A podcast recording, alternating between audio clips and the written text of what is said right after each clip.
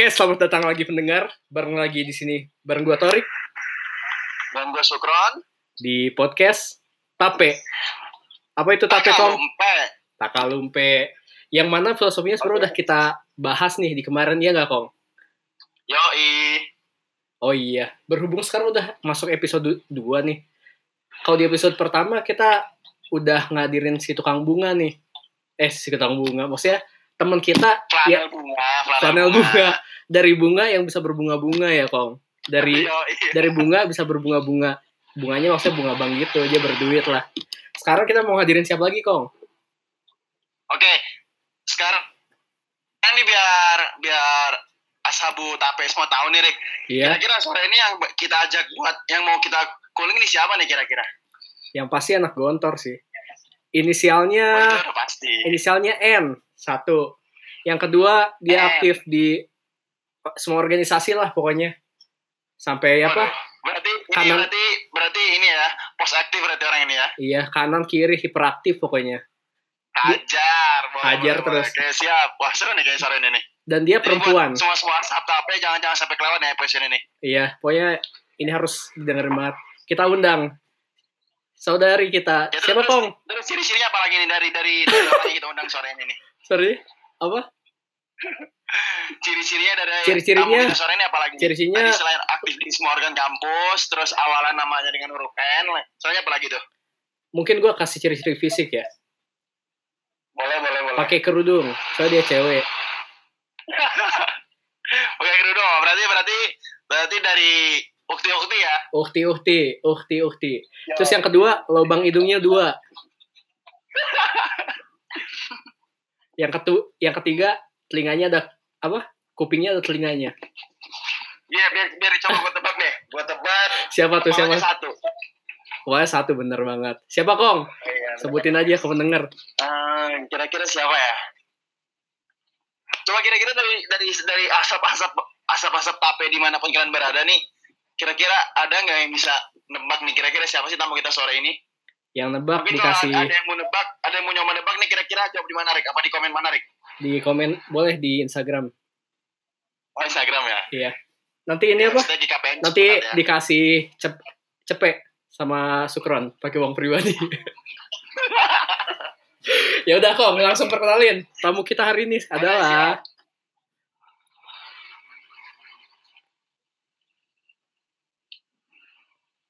Eng ing eng Nubatu Ini Nisa langsung kita langsung kita panggil aja deh tamu kita sore ini. Iya Nubatu Nisa Halo Hai, hai. Halo. Halo, assalamualaikum. Waalaikumsalam Kayaknya Gimana berijing kita hari ini? Iya kayaknya berijing Alhamdulillah baik, sehat. Ber- berijing kita kayak agak garing yang hari ini kong gimana? Bridging kita kayak agak garing ya hari ini ya. Agak cringe. Garing banget. Udah prologi agak lama, buffer dulu. Kan Ya sudah lah. ciri-ciri podcast garing. Oh iya sih, nggak apa-apa lah ya. Gimana, Campur gimana, sari. gimana nih? Iya. Oh iya, ini selamat datang Kak Kebe. Sapa pendengar kita Halo. dong. Halo para pendengar tape. Semuanya punya- di mana pun kalian berada. Dan Kita- juga moderator, hai. Halo. Jinya, ini Kak. Gimana, gimana? Mungkin bisa nih Kak Kak Numbat Tunisa nih untuk semua pendengar eh, untuk semua asap tape di mana pun mereka berada. Mungkin bisa diperkenalkan dirinya. Oke, oke. Hai, mm, namaku nama Ane Nubat Tunisa. Eh, panggil aja Kebe gitu. Soalnya itu sih dari pondok gitu. Kayak orang nggak ngerti kayak yang tahu. Hai. Kak Kebe. Iya, terus uh, Ane sih asalnya IKPM Jogja gitu ya, soalnya tinggal di Jogja. Terus kuliah di UIN Jakarta, jadi masuk UKPM Ciputat. Terus sekarang pindah ke Pangandaran, jadi masuk IKPM Priangan gitu. Uh, Oh. terus sekarang Ane udah semester 8 saat ini dan juga Mantap. aktif uh, di beberapa organisasi intra dan ekstra kampus kayak gitu. Hmm, kan. ini baru namanya paling mantap. Yang ini nih, Ormas juga aktif Apaan nggak? sih kok kok kalian alay banget? Mantap-mantap mulu orang belum apa-apa sih dari, dari dari prolognya aja udah udah mantap banget apalagi Udah mantap-mantap. oh gitu gitu bisa Iya. bisa bisa gimana gimana Tinggal Kak Kebe iya gitu udah aktif di organ intra kong. aktif juga di organ ekstra. Tinggal masuk ke ormas nih kayaknya. Gak ya, gak gitu juga. Oh iya. Kalau in, kalau intra, aneh pernah di Dema Fakultas, Hmm, terus sekarang sekarang di Senat Universitas. iya. Eh, Alhamdulillah. Terus kalau misalnya ekstra, ya apa ya? Mungkin ya pasti pada tahu ya HMI. Saya lagi di HMI juga Hmm. teman-teman. Dan kakak Be juga pengurus ya di dua-duanya, di intra dan ekstra. Alhamdulillah pengurus juga dan juga sekarang lagi fokus di lembaga pendidikan kayak gitu kak. Hmm, gitu. Menarik. Hmm. Dan barangkali buat ini mungkin gua awalin ya, Kong. Dia ya gue mau perkenalkan eh, ini dulu Kakak Be. Dia Kakak Be ini salah satu alumni Gontor juga yang sekarang udah di tingkat akhir dan dia dia aktif lah di satu organisasi yang kedua lembaga pendidikan. Dan sebenarnya kita mau tahu nih apa sih latar belakang Kakak Be dan gimana sih motivasi Kakak Be bisa aktif gitu sampai hari ini ke beberapa tempat sekaligus kayak gitu Kakak Be. Silakan cerita Kakak Be. Oh, kayak gitu. Eh semuanya panggilnya keba aja dong. Aduh kok kayak kayak formal banget gitu. ya jadi eh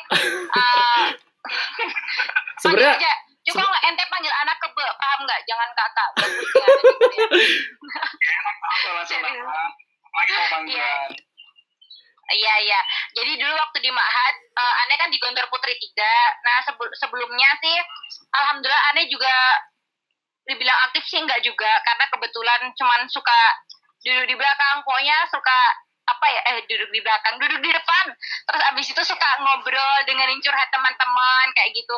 Dan alhamdulillah waktu sopo sama sampai sopo Robi itu bisa dibilang aneh sering pakai himar gitu. Pasti teman-teman yang di Gontor 3 pasti pada tahu gitu kalau sering udah langganan banget dan langganan dijemur banget. Hmm, Ah, terus alhamdulillah udah tobat. Sopo Robi ke sopo Homis itu tobat kayak gitu kan dan dipercaya dipercaya dipercaya buat eh, gantiin Roisa Matbah gitu waktu itu terus alhamdulillah juga Sopu Sadis jadi Roisa Marhala kayak gitu waktu Sopu Sadis kayak gitu oke. Cukup. Emang ada lagi Silakan. berikan komentar. eh kok garing-garing banget sumpah jangan tegang Kita nggak tegang. Jadi sebenarnya kita tektokan, tapi kayak eh, Sukong ini salah satu karakter di podcast ini orangnya baperan. Dia oh emang gitu kalau ditanya sekarang nanti jawab dua menit yang akan datang. Ya mungkin gue lanjutin Oh. aja. Ya, coba sinyalnya dikencengin dulu sinyalnya Sinyal- otak di sinyal di otak iya, oh, iya. Tadi ini apa? eh, cerita dari Kak Tobe. Kalau saya dulu tuh dia ya suka pakai himar sampai eh, apa? Sampai dia tuh ternyata di sesi-sesi terakhir nih, maksudnya kelas 5 kelas 6 dipercaya nih sama teman-temannya bahkan bisa jadi satu angkatan ya Kobe di Gontor Putri. Buat buat Asabu, buat Asabu Tape nih, Takalumpe. Jadi kalau yang belum tahu, kalau siapa Rosmara tuh eh, apa ya?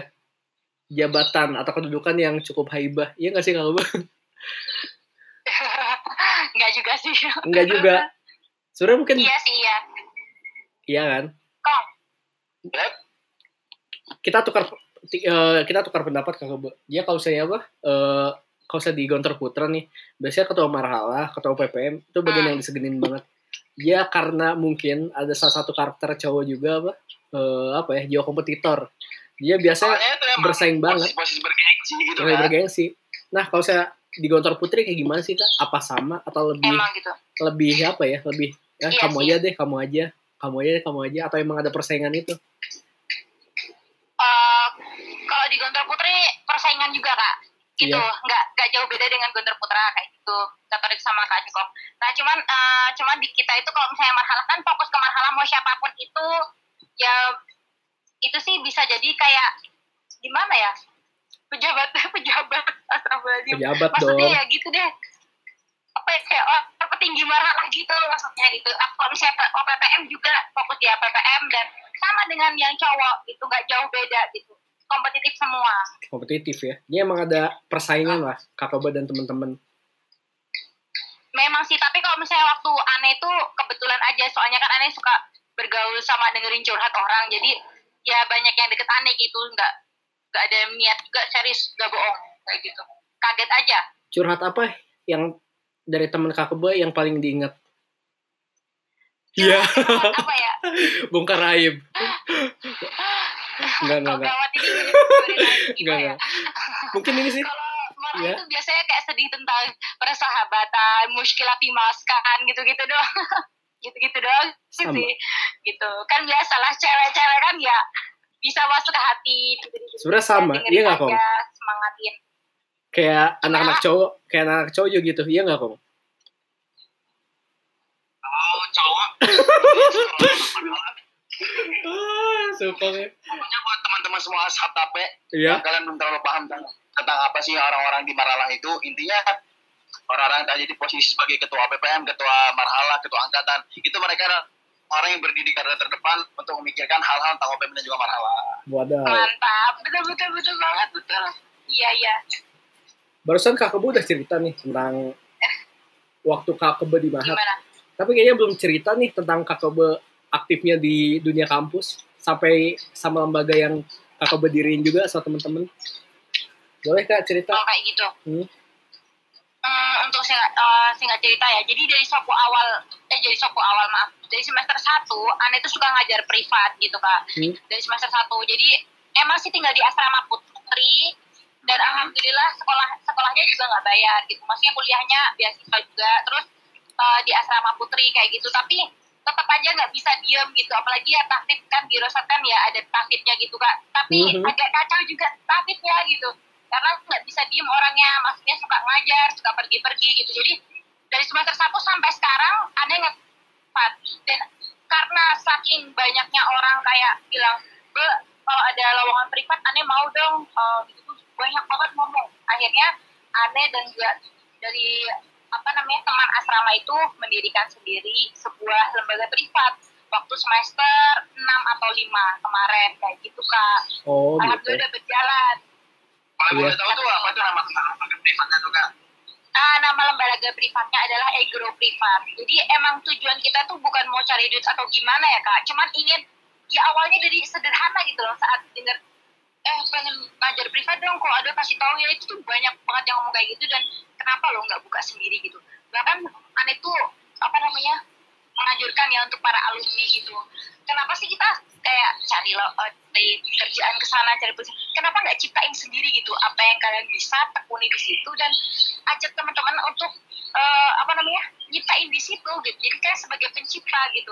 Bukan apa namanya jangan Bukan pengabdi. karyawan terus gitu loh Pencipta bukan Bang Abdi. kayak gitu Jadi kepala daripada ekor ikan paus gitu ya. bener bener Oh. bener bener banget pokoknya kak Cukong misalnya mau diriin bis, diriin bisnis sendiri gitu jangan misalnya kayak ngikut ya mungkin ngikut nggak apa-apa untuk belajar gitu tapi kan kalau udah dapet ilmunya kenapa lo kak nggak sendiri Kak Cukong udah ada. gitu Kak Kebo, Kak Cukong udah ada dia. Dia udah oh udah apa? Posyandu ya? ya itu Kak Cukong. contoh itu contoh itu contoh Tori gitu kan Kak Cukong Tori, komunitas penulis kayak gitu kan Kak Tori ya semuanya Iya. nanti bisa terinspirasi gitu Amin, amin. Kak Cukong udah punya, Kak Cukong. Kak, Kak Kebo jangan salah. Kak Cukong udah punya Apa- lembaga posyandu. Mungkin buat visi misinya Kak Cukong aja nanti cerita Kak Cukong. ada sesi ya ada sesinya ya Apa? Nah, aku masih aku masih polos. Tawadu Mungkin- tawadu tawadu ah deh mungkin ya Allah tawadu. Sebenarnya gitu sih. Walaupun tawadu gitu kan tawadu untuk meroket biasanya kan. Iya.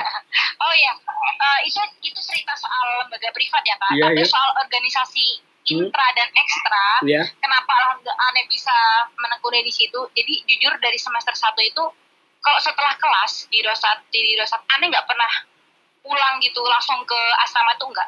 Jadi aneh pulang ke asrama sore selalu ikut seminar di mana pun ada seminar selalu datang. Awalnya motivasinya pasti apa gimana sih kak kalau mahasiswa? Mhm. nasi box sertifikat gitu kan. Katanya sertifikat bisa untuk pendamping kelulusan. Kusem Kalau kusem. sampai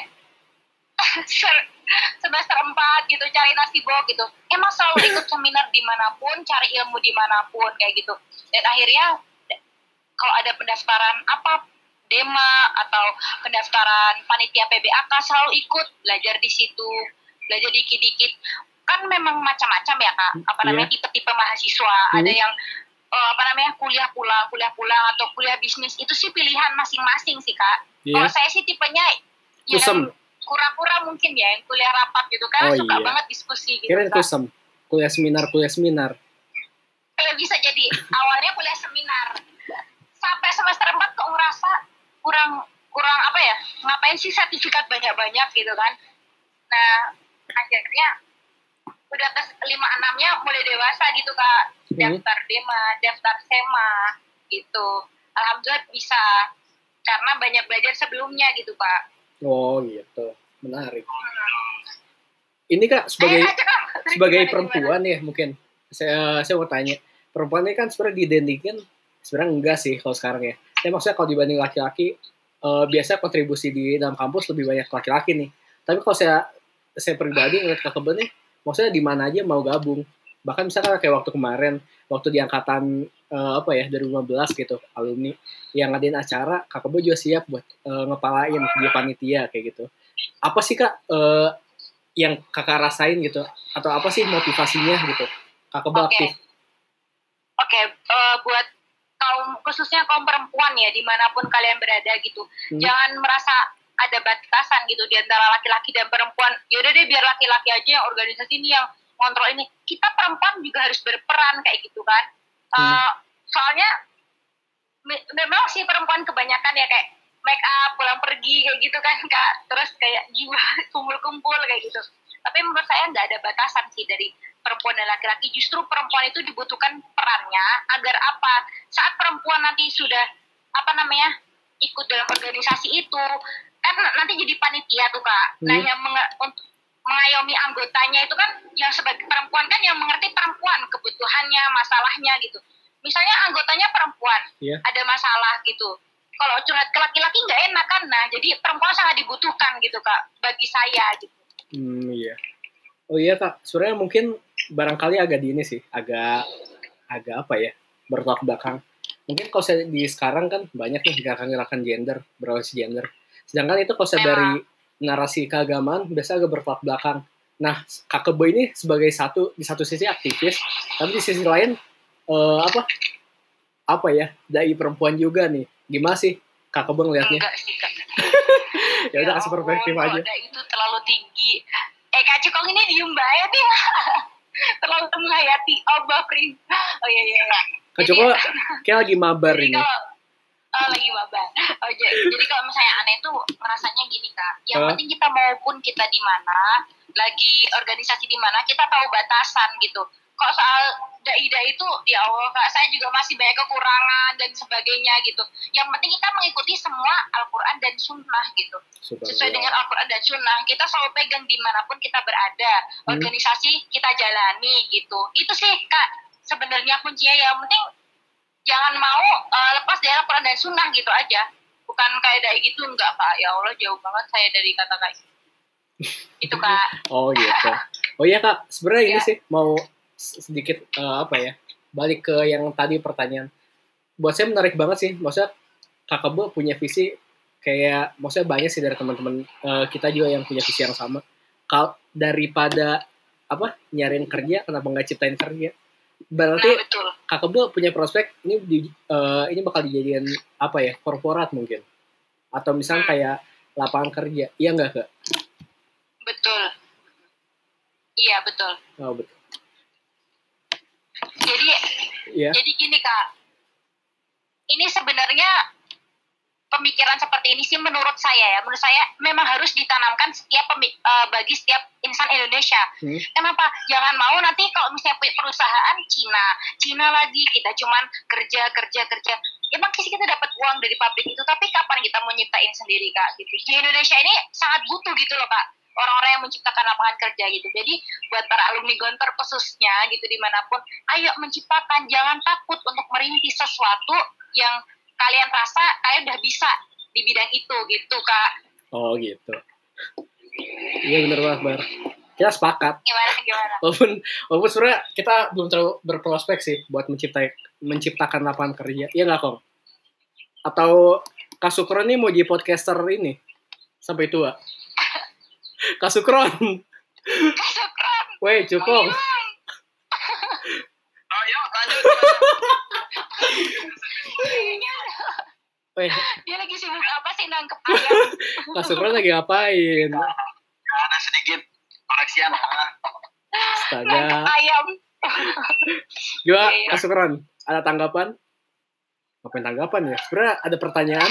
Sebenarnya yang, yang lebih mau gue tanyain, kan Hmm. ini kan kita lihat nih KKB ini orangnya yang tipenya aktif banget gitu kan di mana pun selalu enjoy apa yang dikerjain gitu kan ya. Iya bisa bisa bisa gitu. Enjoy. Ini kan berhubungan ini uh, gue pribadi juga kan masih dalam ranah mah, kalau kelasan mahasiswa itu masih dengan orang-orang yang mungkin baru perkenal berkenal dengan berkuliah, berkuliah dan juga perkuliahan jadi banyak banyak kadang-kadang mereka untuk ke depannya tuh bingung gitu kan KKB terutama kayak teman-teman perempuan nih kadang-kadang mereka ada yang mikir kenapa sih gua harus masuk ke prodi ini sedangkan gua nggak bisa enjoy di prodi ini gitu loh KKB Hmm.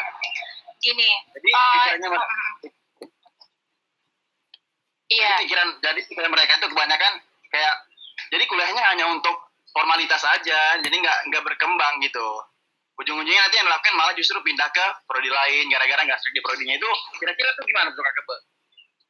Kalau menurut saya ini ya, wah ini diskusi sore asik ya jadinya ya. Iya dong. Karena formal banget kayaknya. Jadi menurut saya ya, untuk pemikiran kayak gitu, kalau kita terus mikir seperti itu, kita nggak maju-maju bro. Kita kalau mikir, eh P, P, Pak, P, P. Kalau kita berpikir kayak gitu, kita nggak maju-maju. Kita mikir, apa namanya, kita soal fakultas, aduh susah banget di jurusan ini. Sampai semester 8. Lu apa lu yang dapetin selama ini? Lu nggak dapet apa-apa gitu. Jadi sebenarnya, sebenarnya gini loh, Pak. Yang kita udah semester 1 kita di prodi ini, kok ngerasanya susah ya? Sebenarnya itu takdir sebenarnya itu ada hikmahnya Allah kenapa sih itu biar kita tahu ilmunya jadi kenapa kita nggak coba bersyukur kita coba jalani dengan happy walaupun susah ya kalau kita nggak apa namanya mencoba bersyukur untuk jalani ya kita nggak bakal dapat apa-apa dari prodi itu gitu nah saran aneh sih kayak gini bagi yang bagi yang misalnya kayak ngerasa aduh kuliahan gini-gini udah jalani dengan bersyukur dan enjoy Nah, jika kamu punya hobi lain atau bakat lain, tetap itu menjadi sampingan. Tetapi tetap prioritas adalah prodi kamu. Kayak gitu. Hmm, Jadi hobi itu yang nggak ditinggalkan karena itu adalah bakat kita gitu kan atau keterampilan gitu kan. hmm. Yang nanti bisa ngasilin duit. Sedangkan prodi itu ilmu coy, banyak orang nggak bisa kuliah. Lu kuliah 8 tahun cuma mikir salah prodi, dia nggak dapat apa-apa gitu. Ayo syukuri, jalani dan cari yang banyak manfaatnya dari situ. Hmm. Karena Kak Sukong ini ternyata buat teman-teman asabut aku yang mungkin dengar ke sana dari kata kakak barusan semoga kalian-kalian yang dalam situasi seperti itu jangan sampai di jangan sampai stuck di posisi itu ya iya. Nah, betul betul banget. Harus maju, harus maju. Karena ternyata Kak Sukong ini meninggalkan kuliah buat hobinya. Sayang sekali. Kok jadi gue Kayak juga gue kan, beru- gue kan berusaha Kak Su- membantu orang jauh di sana gitu kan seperti itu mereka, mereka bingung buat konsultasi ke mana gitu kan Oh kalau gitu. punya hobi, kalau punya hobi jangan ditinggalin. Hobi itu tetap aja kamu lakuin Hmm. agar nanti kalau misalnya itu cadangan gitu. Tapi kalau prodi udah bayar mahal-mahal, udah waktu tenaga lu nggak mau dapat apa-apa dari situ gitu loh. Tetap aja jangan lepas gitu.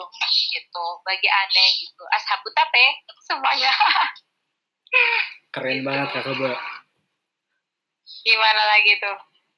Mungkin ini sih terus juga dengar-dengar kakak Be, eh, sering jadi delegasi-delegasi kampus gitu ya kayak Bisa bisa. Iya iya emang emang. itu pengalamannya gimana sih kak pengalamannya. Ini bukannya sombong ya teman-teman. Kan bukan share Oh, untuk dong, memotivasi enggak dong. bisa ya ini kan kita, Share- kita berbagi. Berbagi ya ya Allah maaf. Jadi sebelumnya delegasi IFLC di Makassar. Yang pertama Hmm. terus delegasi UIN Jakarta KKN bersama di Medan. Terus Hmm. kemarin alhamdulillah delegasi UIN Jakarta Singapura ikut acara apa ya Golden Summit gitu. Nah itu gimana ya caranya? Gini. Jadi kan banyak tuh pendaftaran kayak ayo daftar ikut acara di sini gitu. Sebenarnya gini pemikiran aneh kenapa eh, apa karena kita pemuda gitu. Pemuda itu kan kita masih muda nih. Coba coba coba coba coba semuanya. Jangan takut mencoba. Gagal jangan sedih jangan putus asa. Kalau gagal sekali gagal misalnya ikut seleksi KKN ke kebangsaan gitu. Ya Allah gagal gua. Gue males ah ikut delegasi delegasi gini nggak jelas gitu. Atau gue nggak bakat. Bukan kayak gitu. Dari kegagalan kita belajar gitu. Jadi sebelumnya aneh gagal-gagal terus gitu. Sampai kan pembayaran untuk pendaftaran seratus ribu kak. Kak Cukong dan kak Torik. Iya. Nah, itu hangus. Kayak seratus ribu hangus. Anda belum terpilih hangus hangus belajar terus alhamdulillah bisa ke Makassar pakai pesawat bisa ke Medan gratis dari UIN malah dapat duit KKN-nya terus ke Singapura juga itu karena sebelumnya banyak kegagalan gitu jadi coba terus gitu sebagai pemuda gitu. Hmm, itu sih kak mantap Mm-mm. mantap. Oh ya nih kak, sebenarnya mungkin beranjak dari pengalaman pribadi juga kali ya. Ada sih Gimana beberapa hal yang misalnya saat itu gagal, kita masih minat nih buat ngelanjutin. Tapi ada beberapa hal juga yang saat itu gagal, kita malas buat ngelanjutin. Kalau buat kakak Boy itu sendiri kayak gimana? Ih sumpah, Kak Torik tadi nggak jelas ada motor gitu. Gimana sih? Jadi Sikat, gini kak, sikat. Gimana? intinya menjaga motivasi kita tetap biar biar tetap ada gitu walaupun gagalnya melulu, suksesnya sesekali gitu. Gimana kak? Oke. Jadi kita punya tujuan, Kak. Kenapa kita segala apa pun langkah kita yang akan kita kerjakan, kita harus punya tujuan. Kenapa kamu masuk prodi ini? Tujuannya apa? Kita harus punya tujuan. Kenapa kamu mau daftar delegasi? Tujuannya apa? Nah, nah saat kita punya satu tujuan, aku pengen jadi pemuda yang bermanfaat gitu, atau aku pengen keluar kota gratis gitu. Kita fokus di tujuan itu dengan doa dan ikhtiar, ya kak. Nah nanti dengan itu dengan tujuan nanti karena kita sangat berambisi atau kita punya usaha gitu kak Hmm? itu yang bisa memotivasi kita gitu Oh iya karena iya. karena kesempatan itu memang bener sih kesempatan gak datang datang dua kali itu tuh emang bener kak yang bagi saya gitu Hmm iya iya. gitu Oh ya kak, kakak mungkin di penghujung tiga menit terakhir kita mau nggak mau minta apa ya nasihat lah dari kakak Be atau enggak misalkan aduh opini nasihat dan saran sebagai penutup gitu kakak Lebih tepatnya motivasi sih motivasi gitu kayak ke oke aduh belum siapin makalahnya tahu nggak teman-teman semua ashabu tape Iya. Ini dua orang moderator tadi itu si Torik tiba-tiba telepon berapa ya? 20 menit sumpah gak ada settingan untuk aneh ikut wawancara kayak ginian. jual podcast kita kita nggak ada settingan Kita apa tanpa settingan, kita real. Ah, Kita bukan yang suka prank. Iya. Emang sih bener. Biasanya kan harus butuh persiapan gitu loh kak untuk Iya. ini biar mantap ngomongnya. Tapi ini mendadak. Bokar aib Ah. kita deh. Ya, ini lagi di masjid lagi lagi di jalan ke pasar tadi tiba-tiba ditelepon. Oke. Jadi eh, nasihat ya. Yang pertama teman-teman ya. Seperti kan sebelumnya Ane pernah nulis juga di web IKPM gitu. Intinya kita tuh udah dibekali banyak. Yang Hmm. pertama ya, kita tuh udah dibekali banyak di Gontor. Apakah bekal itu kita mau sia-siain aja? Kapan kita mau pakai bekal itu, teman-teman? Ya, kita manfaatin waktu. Yang pertama. Yang kedua, jika kita mau sukses, jangan takut gagal gitu. Kita coba segalanya, coba segalanya, coba apa yang kamu bisa, apa yang kamu mau gitu. Karena waktu muda itu sebentar, sisanya waktu tua. Kalau waktu tua nih, yang datang sakit, kemudian sedikit kesempatan lah kita nggak tahu maut kapan menjemput kan. Dan yang ketiga, teman-teman, eh, kalau bisa ciptakan lapangan kerja di mana pun kalian berada gitu. Apa pun hobi kalian misalnya misalnya cukong nih pinter main piano. Buatlah sendiri komunitas piano apa kan niatnya berbagi gitu. Kalau nggak torik nulis gitu kan. Silahkan gitu. Karena bener-bener bermanfaat banget untuk orang yang kalian bagiin ilmunya tuh ngerasa terkesan banget kayak gitu. Dan insya Allah Allah akan catat perbuatan itu. Dan yang ter- terakhir adalah berdoa berusaha semuanya kepada Allah intinya semuanya pada Allah hidup kita nggak ada apa-apanya coy Iya, Iya. intinya hidup kita nggak ada apa-apa, cuma pada- bakal balik sama Allah intinya. Di notes kak. Itu deh. Makasih banget kakak Be. Oke. Sebagai penutup, Maaf ya. Eh, ini sebagai garing nggak sih? Maaf banget semuanya. sebagai penutup, gue mau apa? Signing out lah dari gue Torik dari gue juga Muhammad Syukron dan dari teman Apa kita ya? Nubatu Nisa yang suka dipanggil Kebe. Hai. Iya. Wassalamualaikum warahmatullahi wabarakatuh. Wabarakatuh. Bye. Makasih para Dadah pendengar. di mana Dadah. kalian berada